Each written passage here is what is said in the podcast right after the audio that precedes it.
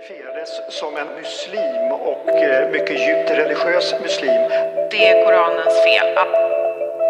andra ändan då är man 100% Mohammedan. Det är Koranens fel. Det är Koranens Men hur, vad, hur ser du på dig själv? Tar du avstånd från wahhabism och salafism? ett globalt kvinnoförtryck som finns Identifierades som en muslim och eh, mycket djupt religiös muslim. Mycket djupt religiös muslim. Mitt namn är då Aman Jaziz. Eh, jag kommer från en organisation som heter Insan, som står för Institutet för samhällsanalys.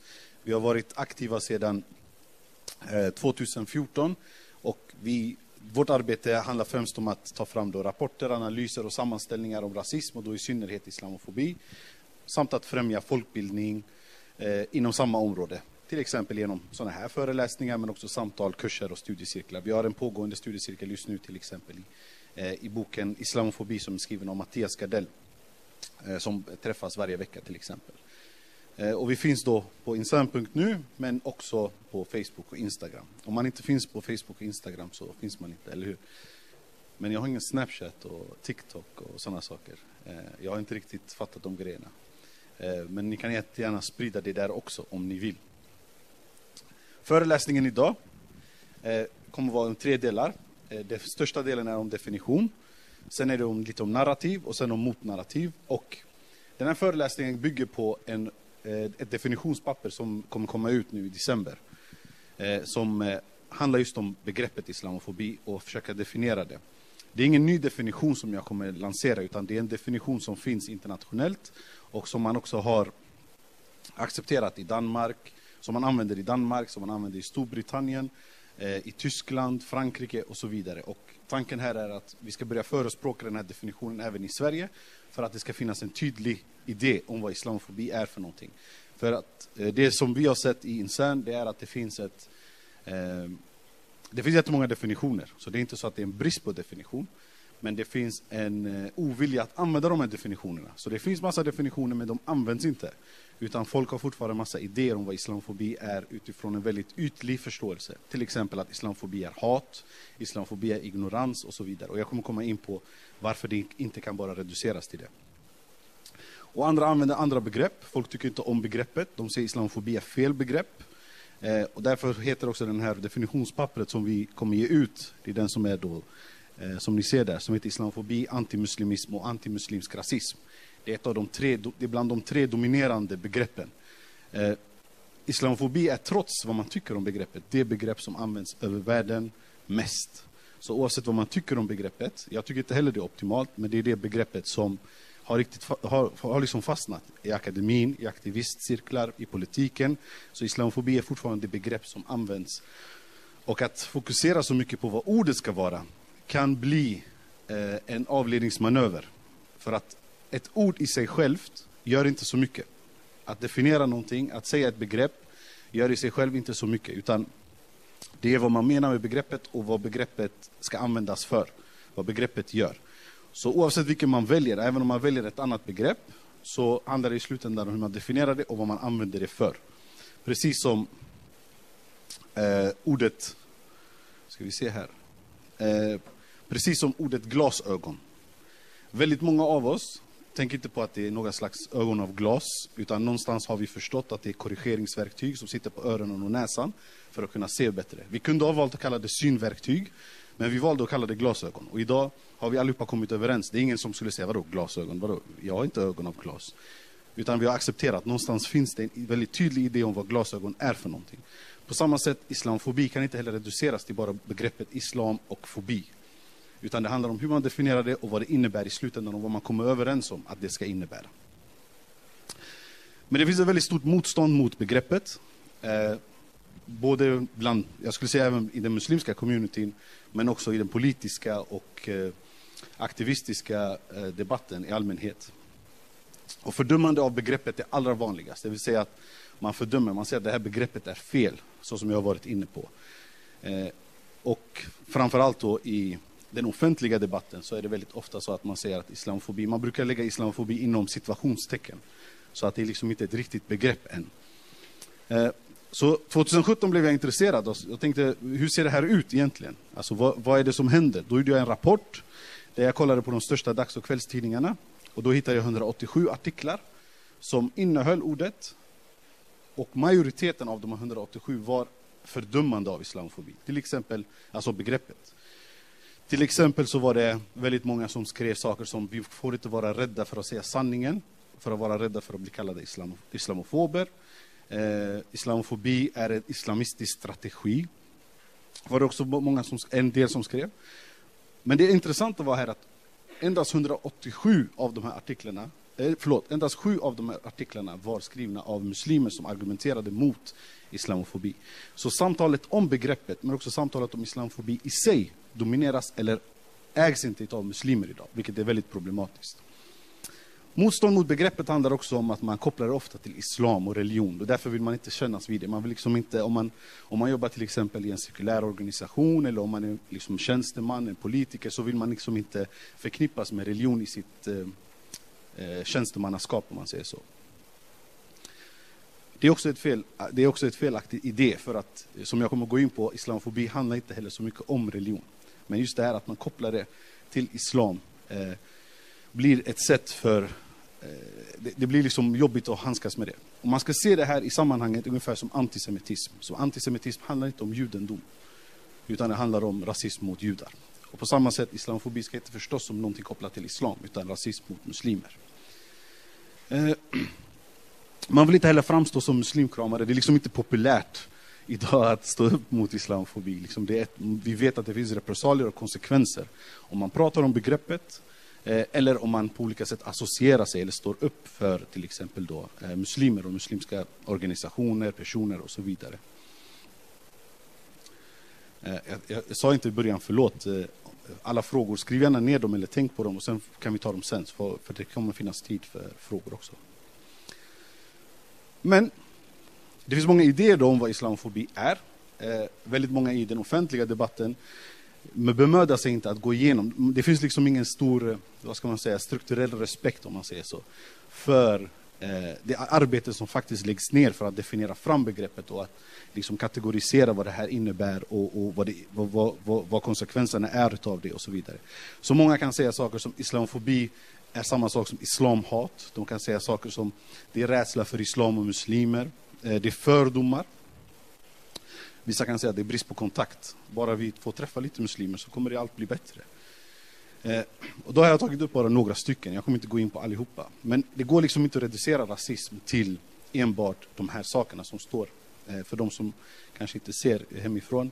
Så då okunskap och ignorans, fördomar, hat, rädsla, religionskritik och så vidare. Islamofobi är en form av rasism som har konsekvenser och effekter för de personer som då läses eller ses som muslimer. Och då handlar det inte om att eh, okunskap eller ignorans på något sätt, om du bara får mer kunskap om islam, att det på något sätt skulle hjälpa dig. Eh, bland de mest, om man kollar i historien, eh, så var det inte, eh, vad ska man säga, under eh, Hitlers tid till exempel, så var det inte så att kunskap om judendomen stoppade förintelsen kunskap om romer stoppar inte förintelsen och så vidare. och så vidare. Slaveriet är ett väldigt bra exempel. Eh, det transatlantiska slaveriet är ett väldigt bra exempel på människor som faktiskt var lojala och betedde sig och var underkuvade på alla möjliga sätt. Men trots det var det inte så att slavägare bara, ja, ja, men nu ska ni bli fria för att ni är så snälla och duktiga. Så att just här, tanken om kunskap och tanken om kontakt, det i sig självt leder aldrig, eh, leder aldrig till att rasism löses på olika sätt. Och tanken om att det är rädsla eller hat, det är liksom känslor. Eh, det går inte att reducera heller rasism till känslor eftersom det har, som jag sa, konsekvenser och effekter för de befolkningar som då läser som muslim. Vissa av de här sakerna är del av islamofobi. Alltså det är klart att det finns, ett visst, det finns organisationer, det finns ideologier som förespråkar hat, som är säkert rädda. Det finns en rädsla för att muslimer har en inneboende eh, kapacitet för terrorism. Att det någonstans behöver på något sätt hela tiden övervakas och bevakas för att inte muslimer ska flippa ur helt enkelt. Eh, men man kan inte säga att det är islamofobi i sig självt. Det vill säga att det går inte att reducera islamofobi till bara att vara eh, hatfobi, rädsla och så vidare. Hänger ni med? Här står det ganska mycket, men det är bara mer för den som är intresserad. Så, kan, eh, så jag kommer inte gå igenom allt som står här. Men den definition som då har accepterats eh, i större delen av eh, västvärlden, för att islamofobi finns också förlåt, det ska jag också säga, islamofobi finns inte bara i väst, utan islamofobi, vi ser det till exempel nu i, i, i hur uigurer behandlas av ki- kinesiska regimen. Vi ser hur eh, rohingya, rohingyer till exempel, förföljs i Myanmar. Så att islamofobi är inte någonting som bara finns i väst. Indien är ett annat exempel också där islamofobi är väldigt, väldigt aktivt och eh, också staten använder det som ett väldigt eh, starkt instrument för att styra och ställa. Men då islamofobi är en form av rasism som angriper muslimitet eller förmodad islamit, muslimitet. Och rasism här ska förstås som tillskrivandet av värde på verkliga och föreställda skillnader. Här är det väldigt viktigt för att ofta det här med att eh, de har fel bild av islam eller de har fel bild av muslimer gör så att väldigt många då tror att det, det är baserat på falska föreställningar. Men vi vet samtidigt att till exempel kvinnor i hijab värderas annorlunda. Vi vet att, vet att män som går och ber i moskén värderas annorlunda. Så det finns verkliga skillnader, men som värderas som underlägsna eller på olika sätt i behov av disciplinering och lagstiftning. Så det finns verkliga skillnader som värderas på så sätt som gör så att eh, muslimer då, eller islamofobi blir eh, cementerat och institutionaliserat på olika sätt. Eh, och den här värderingen den görs inte alltid aktivt utan den är också så här, en del av de strukturer som vi har i samhället och den politiska normalisering som speciellt sker just nu. Så i det här fallet så bör man se rasism som ett styrnings och förvaltningsverktyg. Det är ett sätt att hierarkisera, det är ett sätt att skapa hierarkier i samhället och säga att de här människorna har, eh, har tillgång till alla de rättigheter och, och friheter som finns och de här människorna behöver på olika sätt vi gör en dispens för så att de inte har det. De här människorna behöver på olika sätt övervakas, bevakas, begränsas, exkluderas i vissa sammanhang för att de inte är fullständiga eh, människor i, i, som oss. Muslimitet i den här definitionen ska förstås som väldigt brett. Det är ett mångfacetterat och brett ord då. Men det är det som förknippas med islam och muslimer. Det kan vara moské, det kan vara eh, hijab, det kan vara kroppar, det kan vara eh, klädsel, det kan vara språkbruk. Eh, vi vet till exempel att ord som alhamdulillah, inshallah, assalamu alaikum och sådana saker, det är liksom förknippat med muslimer. Och då, folk som uttalar det eh, är också del av den muslimitet som finns i, i samhället. Och det beror också på kontextuellt. Eh, mitt skägg kan i vissa sammanhang ses som till exempel hipster. Eller hur? Men i andra sammanhang så behöver det inte göra det heller. Så eh, vad som är muslimskt är också kontext, beroende på kontext. Eh, och det är inte alltid, eh, min dotter skrattar här framme. Eh, det beror på var, man befinner sig i, vilka rum man befinner sig. Angriper, eh, det är inte bara ett aktivt angripande, det kan vara det. Det kan vara till exempel saker som hatbrott, det kan vara saker som hets mot folkgrupp. Men det är också det som finns i i, i strukturerna i samhället, det som finns i, i myndighet, hos myndigheten, det som finns hos staten och det som finns hos politikerna, det som sägs hela tiden. Så det är det som finns som på olika sätt då, eh, fångar upp muslimitet som problematiskt. Men muslimer är väl ingen ras? Så man kan väl inte vara rasist mot muslimer? Det är ett av de främsta motargument som jag ofta stöter på när jag är ute och talar om islamofobi. Och det är sant, muslimer är ingen ras. Men det är inte svarta, judar, samer eller romer heller. Men ändå så vet vi att det finns rasism mot dessa människor. Det här påståendet, muslimer är ingen ras, därför kan man inte vara rasist mot muslimer, grundar sig i att man har ett biologiskt tänk att ras faktiskt existerar. Och det är ett väldigt problematiskt synsätt man har på världen. Precis som romer, då, eh, samer, svarta, judar till exempel inte är en ras, men blir en ras i samhället, i de politiska diskurserna som finns, så blir muslimer det på samma sätt. Sen finns det två andra aspekter som jag faktiskt igår på den bokcirkeln som jag pratade om, som jag driver just nu, kom upp och som jag tyckte var väldigt viktigt att eh, eh påminna om också. Rasbegreppets historia, själva begreppet ras, kommer ju från eh, en tid där eh, kristna i Europa eh, tog över det som kallas Spanien idag, Andalusia back in the days, eh, igen. Och i det sammanhanget, när folk som var muslimer och judar konverterade till eh, kristendom, så såg man dem fortfarande som orena. Det var då rasbegreppet bildades och cementerades så som vi känner till det idag. Det är liksom grunden, det är prototypen till det som vi kallar ras idag. Så någonstans i historien så var muslimer och judar också väldigt tidigt på grund av att de inte hade då rent blod eftersom de inte var då eh, eh, kristna europeer så blev också då de orena och därmed en underlägsen ras. Och efter det så vet ni eh, vad som hände. Liksom. Europa åkte till eh, det som kallas Amerika idag och ursprungsbefolkningen där bemöttes som en annan slags ras. Man åkte till Afrika, man tog slavar för att man såg dem som en annan ras och så vidare. och Så vidare. Så rasbegreppets historia är också väldigt tätt eh, förknippat med muslimer. Det är genom kontrasterandet mot judar och muslimer som då ras som begrepp kommer till. Alltså. Men det var också någonting annat som sades igår på bokcirkeln. Och det var bara, vad spelar det för roll om det är en rasism eller inte? Vad spelar det för roll? Det är farligt, det har konsekvenser och det har effekter på folk och människor och deras livsvillkor.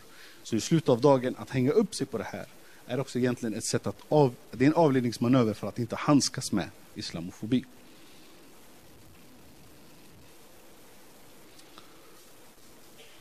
Den här är lite komplicerad. Min fru hon tycker inte om färgerna, men jag struntar i det. Hon eh, sa att jag skulle byta färger. Men jag är ganska nöjd att jag valde dem, för att de är bra kontrast till varandra. Men islamofobi har flera omfattningar, så det är inte bara vad folk säger på gatan, det är inte bara vad folk skriver till mig i fina mejl till exempel. Islamofobi kan inte reduceras till enskilda saker, utan det finns ju med hela tiden. Väldigt många muslimer som jag träffar eh, säger till exempel, jag har aldrig blivit utsatt för islamofobi. Och då, samma person kan till exempel vara rädd för att ha sitt riktiga namn på Facebook, gillar inte, gillar inte saker ens på sociala medier för att de vet att det finns en övervakning och en bevakning av deras åsikter och tankar.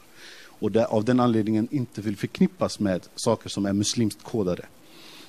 Så trots att de påstår att de inte utsätts för islamofobi så, vet, så händer ju saker hela tiden i deras liv som de, på grund av att de är muslimer och som de anpassar sig efter hela tiden. Så det är viktigt att förstå islamofobins omfång. Eh, den här, den här modellen är inspirerad av eh, två akademiker, Maha Hilal och eh, Darakshan Raja. Men jag har lagt till en till nivå. Eh, och den här eh, modellen ska också sägas togs fram med, tillsammans med Nadia Awad och eh, Nour Nassef. Så de har också varit med och tagit fram. De tidigare jobbade med mig i men Nour håller på med sin doktorand på Stockholms universitet nu och Nadia är riksdagsledamot för Vänsterpartiet idag. Så vi tog fram den här för ett år sedan ungefär inspirerad av Maha Hilal och Darakshan Raja.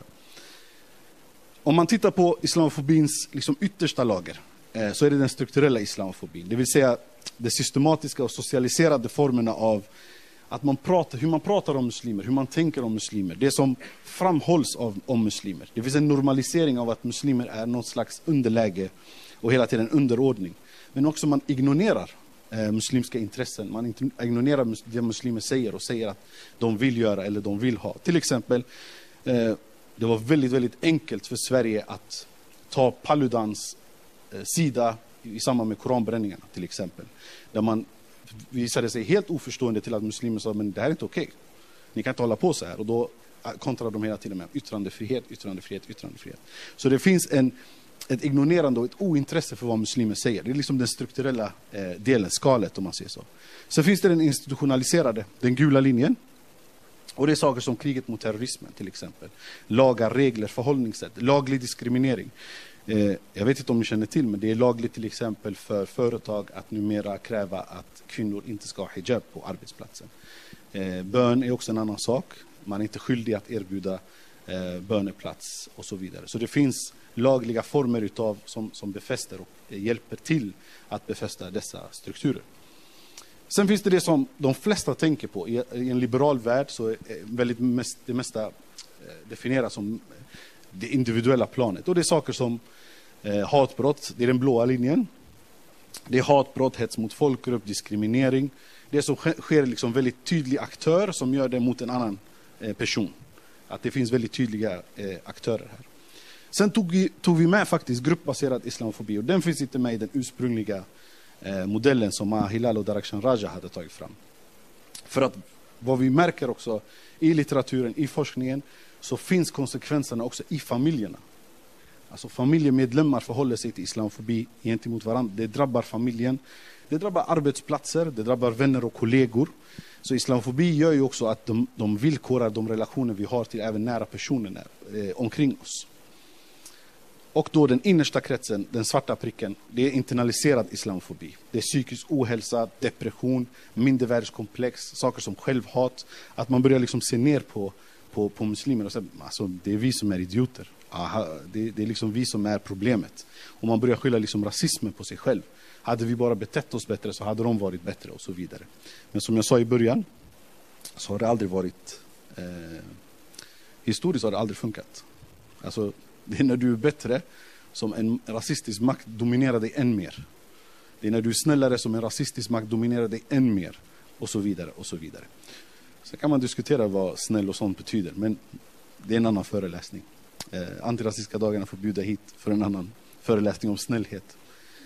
Eh, men islamofobi behöver då förstå att dessa saker samspelar med varandra. Så det går inte att isolera dem. Det går inte att säga att det strukturella och institutionella inte hör ihop och så vidare. Utan alla de här sakerna samverkar med varandra och de samspelar och stärker varandra. Men det behöver också förstås i dess effekter och konsekvenser. Om vi kollar på Sverige bara så vet vi eh, det finns vissa studier, men de är inte alls eh, starka. Men till exempel när det kommer till psykisk ohälsa vet vi att människor med bakgrund i så kallade muslimska länder eh, har en större psykisk ohälsa eller på olika sätt söker eller har koppling till psykisk ohälsa. Vi vet att eh, de, de många muslimer bor i så kallade utsatta områden, det som kallas utsatta områden utav staten.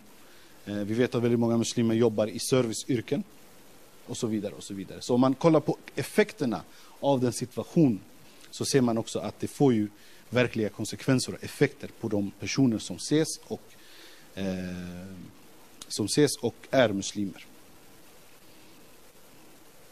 Hänger ni med? Du ser jättechill ut bror, i soffan. Du hänger med? Bra. Men vi måste väl kunna diskutera problem utan att vara rädda för att stämplas som islamofober. Och så kommer ofta en hel rad problem som förknippas med muslimer fram. Homofobi, kvinnoförtryck, islamism, dolda agendor, självmordsbombningar, antidemokrati, slöjan, radikalisering, salafism, Muslimska brödraskapet, muslimska skolor, IS, fundamentalism och så vidare. och så vidare. Och Det här är vad jag vill komma in på när jag pratar om narrativ. Att det är väldigt, väldigt svårt att tänka på muslimer utan att tänka på problem. Även bland muslimer själva. Väldigt ofta när vi tänker på muslimer så tänker vi på en belastning. I bästa fall så tänker vi på att belastningen är islamofobi och den är jobbig. Men i annat så är det andra slags åkommor, eh, situationer, kontexter som är jobbiga och muslimer då förknippas med problem. Och narrativ, det handlar om att eh, skapa berättelser som gör politik möjligt. Det handlar om att sprida och eh, synliggöra tankar och idéer om människor för att göra det möjligt att agera på dem socialt och politiskt.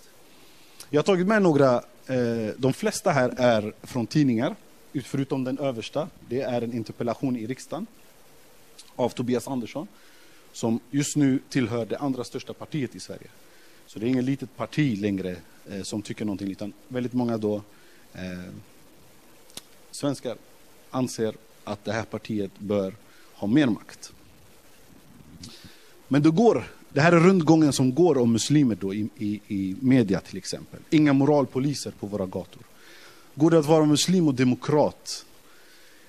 SVT förklarar. De tar på sig rollen som imamer. Här säger de, kvinnor tvingas, så här fungerar en islamisk skilsmässa. De bestämmer liksom en hel 1,6 vad är det, miljarder just nu människor i världen. Det här är hur de liksom gör skilsmässor. Och SVT förklarar det här. Ateisten Omar Makram han brände Koranen för att få stanna i Sverige. Det visar att han har lämnat, han är någonting annat nu än det han var tidigare. Islamska värderingar omöjliggör en lyckad integration. Så, så länge du är hänger dig till islam så kommer du att inte vara, du kommer vara ointegrerad helt enkelt. Jag tycker den här är mest intressant dock. Karines, Karinas dotter konverterade. Hon hamnade i en djup kris. Och det är DN, Dagens Nyheter, en av Sverige, det är Sveriges största tidning om inte jag minns fel. Hon hamnade i en djup kris och det blev en artikel om att hennes dotter konverterade. Det är så, hon tar det så illa vid sig att eh, hon konverterar.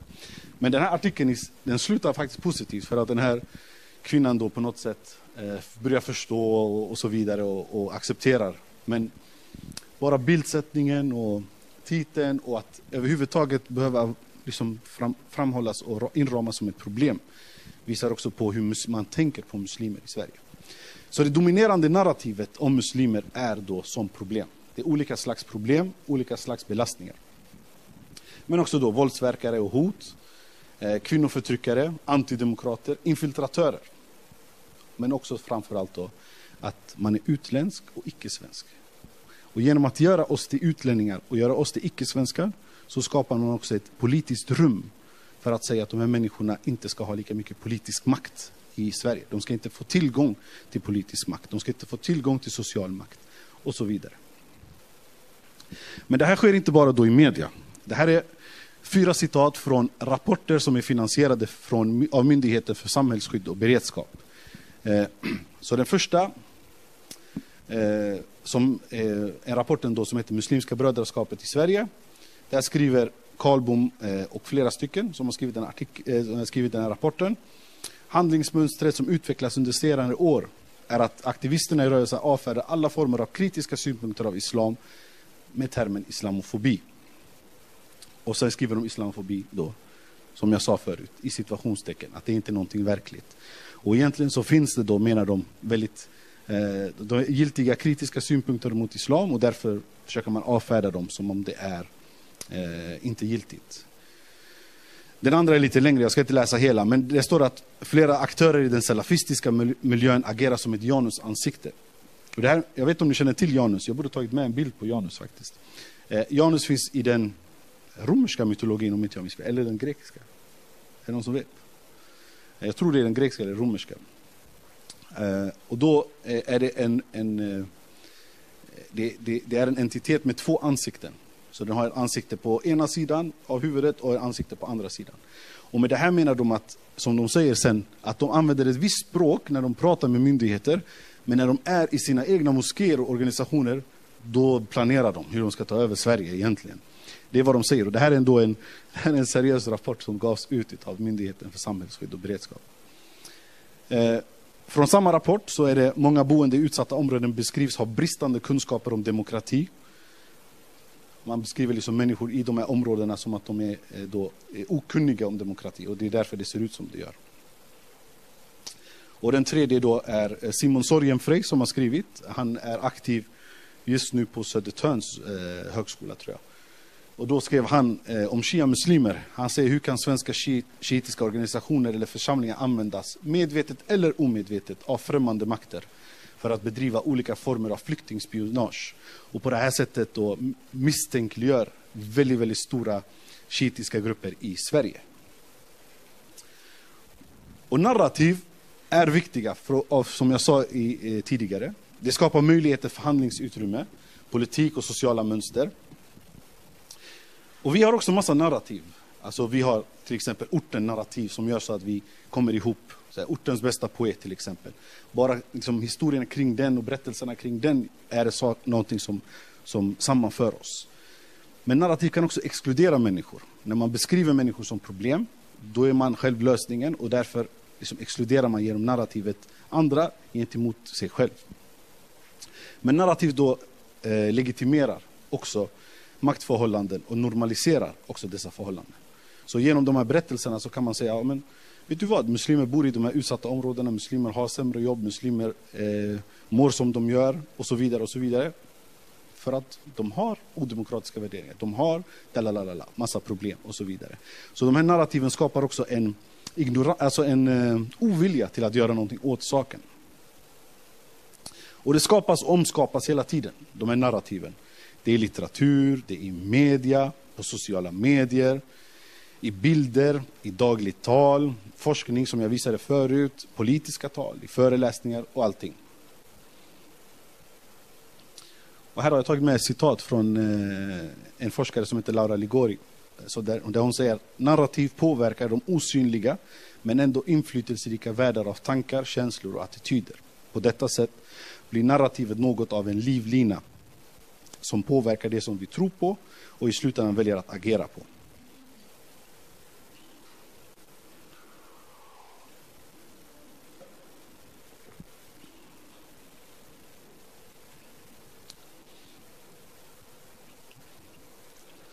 ska inte avsluta den här föreläsningen utan att försöka ge lite hopp. Eh, jag, jag är samt, idag, eh, jag, jag jobbar, ett, eh, jag är rådgivare. Jag har fått möjligheten att vara rådgivare för ett UF-företag. Jag vet inte om ni känner till det i Malmö, om det finns något sånt. Eh, men då har vissa gymnasie, gymnasieskolor har ett, eh, inom, inom sitt gymnasiearbete så får ungdomarna starta ett företag. Och då får, måste de eh, hitta någon som kan vara någon slags eh, eh, rådgivare för dem och hjälpa dem på vägen. Eh, Så jag har fått möjligheten att vara då rådgivare för ett sådant företag. Och de håller på att skriva en barnbok eh, om eh, rasism. Och när vi skulle då, då tänka på hur vi skulle skriva den här berättelsen så eh, innan de bestämde sig så var det någon i gruppen som inte kände att om, vad, vad ska vi skriva en bok för, vad kan en bok göra? Men det är sådana saker som är väldigt viktiga att förstå är hur vi skapar ehm, eh, hur vi skapar motrörelser, hur vi skapar en motorganisering. För att enda sättet vi kan göra det är om vi har egna berättelser. Det måste finnas egna berättelser för att kunna bygga saker på. Om inte vi har de här berättelserna så kommer vi inte kunna ha en bra organisering.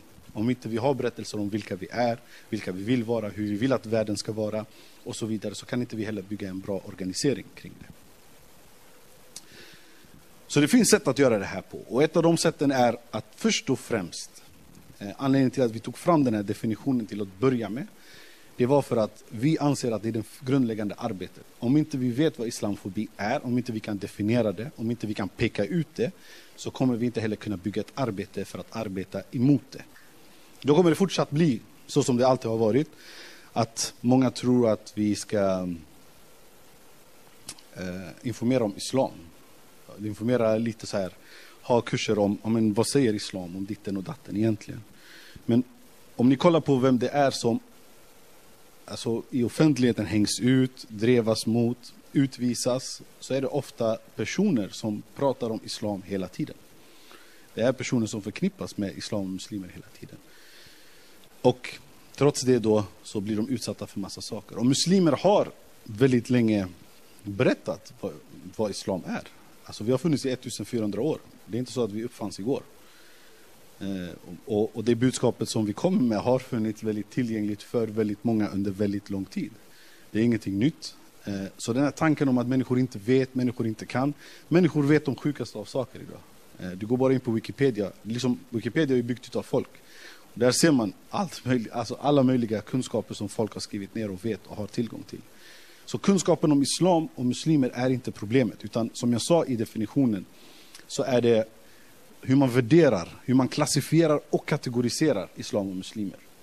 Det är där problemet ligger. Problemet ligger inte i, i eh, att man inte vet någonting. Utan ibland kan faktiskt kunskap om islam och muslimer vara eh, en del av islamofobin.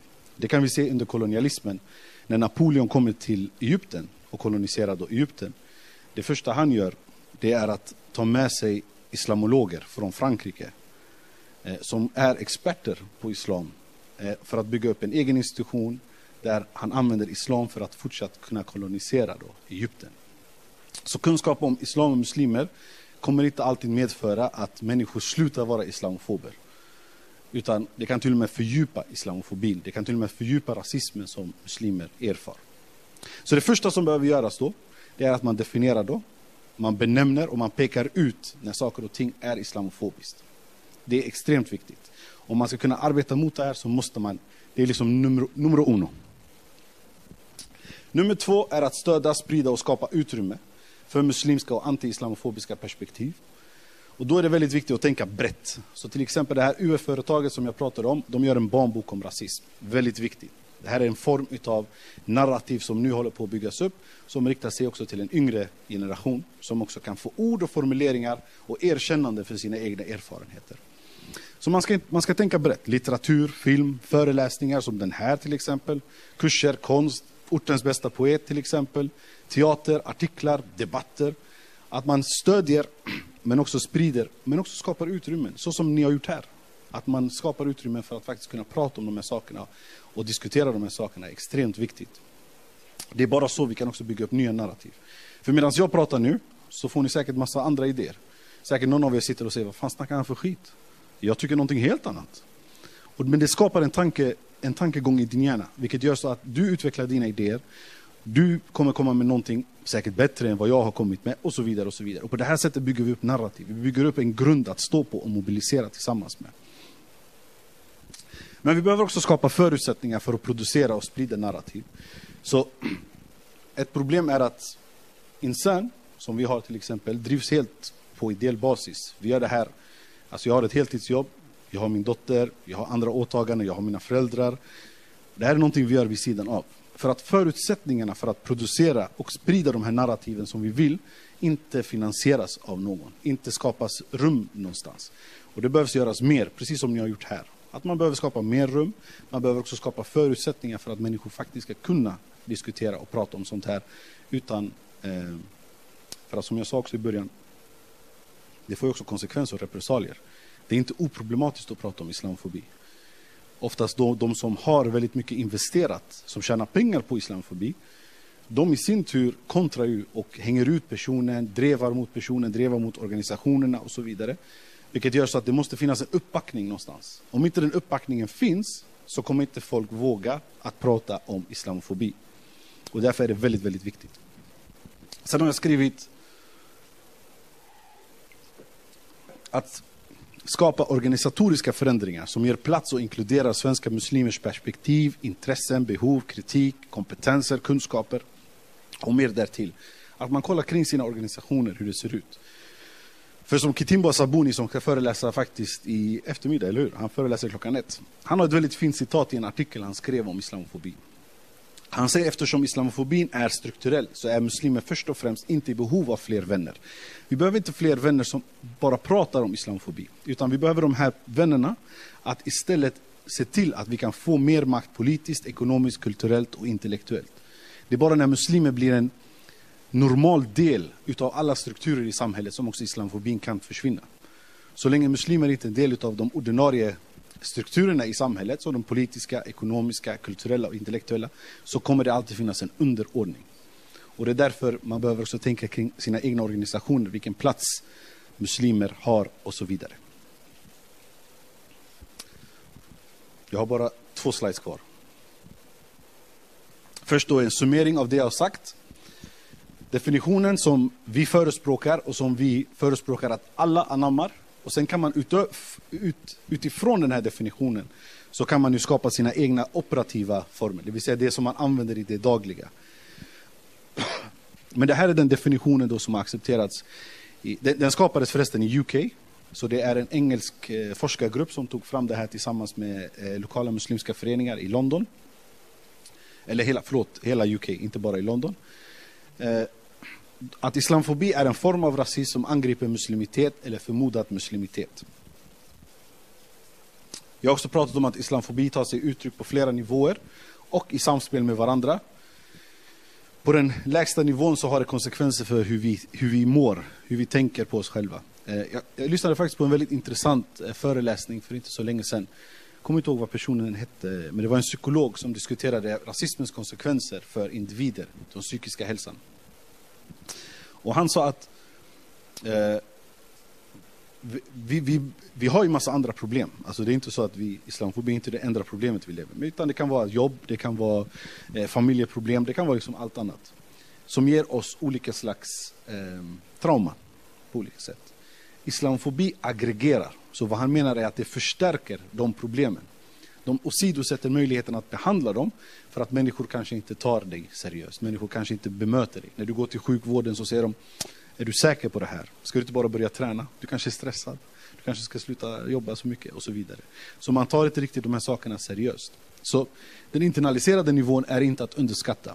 Och när väldigt många människor tillsammans i ett område har psykisk ohälsa så blir det också en kollektiv psykisk ohälsa som är väldigt, väldigt farligt. Som gör så att det är väldigt svårt att ta sig ur Eh, den psykiska ohälsan. Sen pratar jag om det här med gruppnivå, att islamofobi påverkar också hur vi är in, in, inom familjer. Jag kan bara fråga en person som till exempel blivit lite religiös men kanske resten i familjen inte är religiös och hur den dynamiken blir till och vad som händer i den dynamiken. Till exempel som den bilden som jag visade. Hon hamnade i en djup kris. Det här är ett väldigt bra exempel på eh, den gruppbaserade islamofobin. Eh, vad innebär det för den som har konverterat? Att ens mamma pratar om att hon blir deprimerad på grund av någonting som hon anser är helt legitimt att göra. Men också på det här med individuell nivå, det här med hatbrott. Vi vet att hatbrott ökar. Vi vet att muslim, moskéer attackeras, vi vet att personer attackeras, vi vet att koraner bränns och så vidare. Och så vidare. Och sen har vi det institutionella. Så det som, någonting som inte jag har pratat om idag så mycket, som jag brukar annars i övrigt prata om, eh, det är kriget mot terrorismen. Eh, kriget mot terrorismen, det finns en, eh, på Brown University så har man räknat ut, man har försökt att räkna ut hur många som har dött i kriget mot terrorismen, eh, hur många oskyldiga, alltså, hur många civila har dött, hur, hur många flyktingar det har skapat.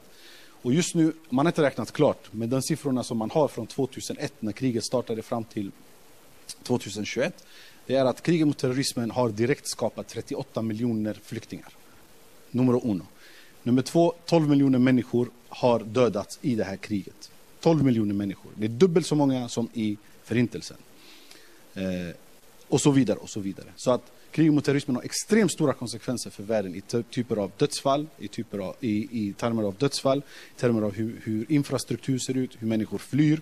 Väldigt många av oss som är i Sverige har också kommit till Sverige på grund av det här kriget. Vi vet väldigt, väldigt många från Afghanistan kom hit efter kriget. Vi vet att väldigt många från Irak kom hit efter kriget. Vi vet många från Syrien, Libyen, Filippinerna eh, och så vidare. och så vidare. Väldigt många från de här länderna där kriget mot terrorismen bedrevs väldigt aktivt har kommit till Sverige sedan, sedan 2001.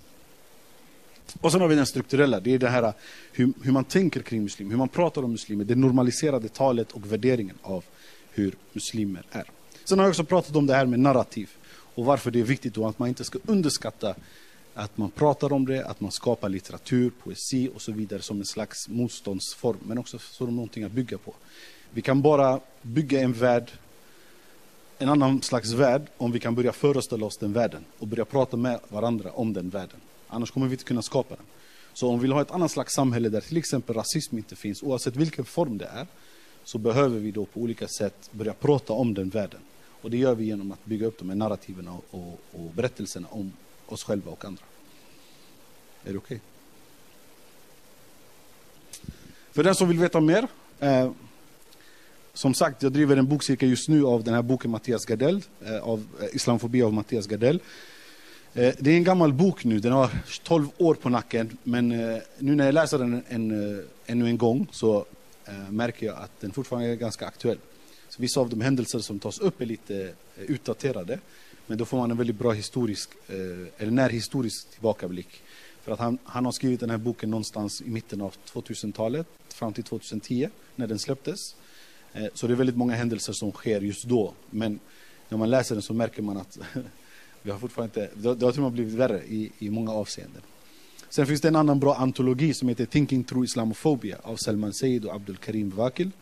Den är väldigt bra. Eh, sen finns det två tidskrifter för den som är eh, student och så vidare så kan ni säkert hitta dem på universiteten. Islamophobia Studies Journal och Reorient. Och det är därför återigen jag vill gå tillbaka till den här definitionen för att eh, alltså islamofobi som studiefält är extremt extremt utspritt över världen. Alltså människor spenderar majoriteten av sina vakna timmar för att förstå det, för att definiera det, för att tala om det. Så det finns väldigt mycket material att tillgå kring vad islamofobi är för någonting och hur islamofobi tar sig uttryck. Men på grund av då att den nedprioriteras som fråga som ett led av islamofobin i sig så gör det så att vi inte är medvetna om det. Och därför hittar vi på egna Eh, kreativa definitioner som att islamofobi är hat eller islamofobi är rädsla och så vidare. Men utifrån den definition som jag presenterat så, eh, så vet ni att det inte är så.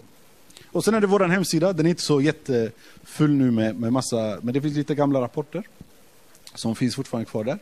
Och sen då finns det den här islamofobi.se som drivs utav nätverket mot antimuslimsk rasism som är ett nätverk eh, för, eh, ni kan säkert också gå med om ni har någon förening, men det är föreningar, eh, svenska föreningar som har gått samman för att på olika sätt adressera eh, islamofobi. Identifierades som en muslim och eh, mycket djupt religiös muslim. Det är Koranens fel. Andra änden då man 100% Mohammedan. det är Koranens fel. Det är Koranens Men vad, hur ser du på dig själv? Tar du avstånd från wahhabism och salafism? Ett globalt kvinnoförtryck som finns. Identifierades som en muslim och eh, mycket djupt religiös muslim. Och, mycket djupt religiös